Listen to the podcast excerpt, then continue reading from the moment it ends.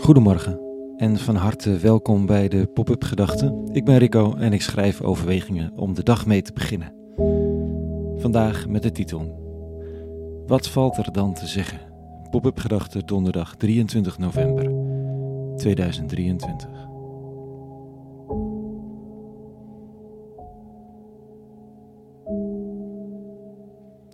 De woorden stokken in de vingers deze ochtend. De vingers die over het toetsenbord dansen. Er wordt sowieso even niet gedanst.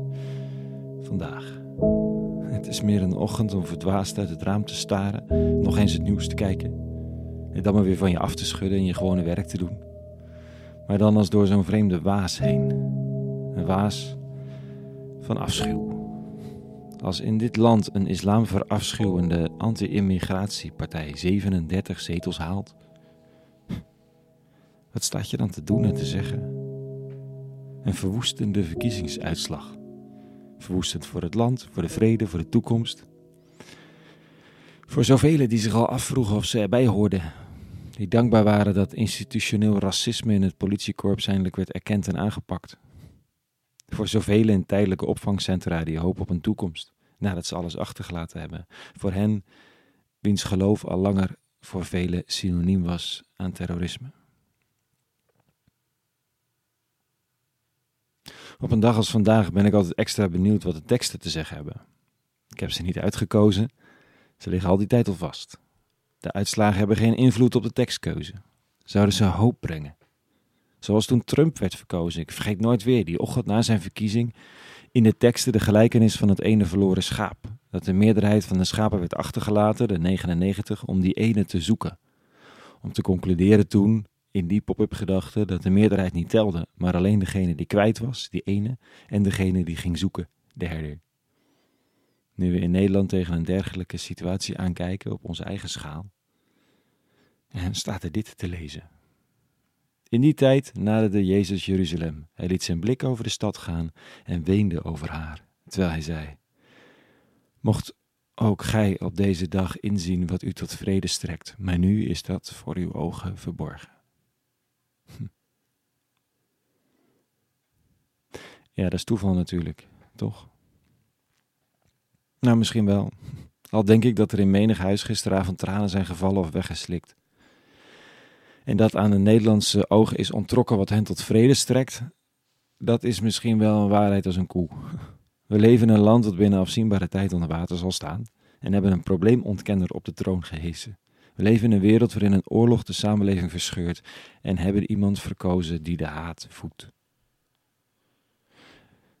Nou, misschien dat een van de andere lezingen dan helpt vandaag. Het zijn er altijd drie. In de oudste lezing van de dag staat dit. In die tijd trokken velen die in gerechtigheid wilden leven en wilden vasthouden aan de wet naar de woestijn.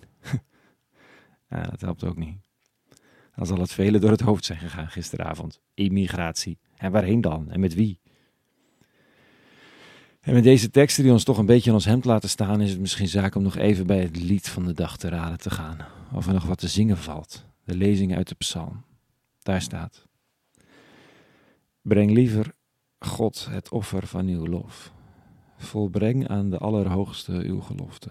Dan moogt ge in verdrukking tot mij roepen. Ik zal u redden als u mij vereert. De dichters brengen ons dichterbij vandaag. Volbreng de Allerhoogste uw gelofte. Mijn gelofte?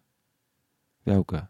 Die impliciete, die, die gelofte om lief te hebben, in te sluiten, te omarmen, vol te houden, mijn kinderen op te voeden en hoop te houden.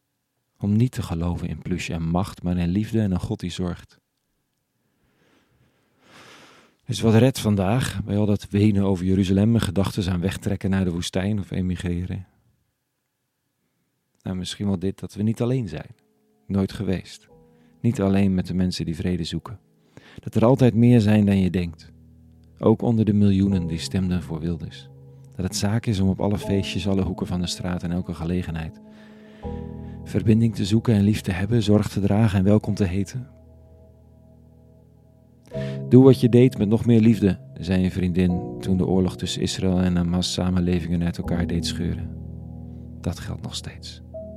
En als je bidt, bid dan. Want die redding uit de psalm van de dag kunnen we wel gebruiken.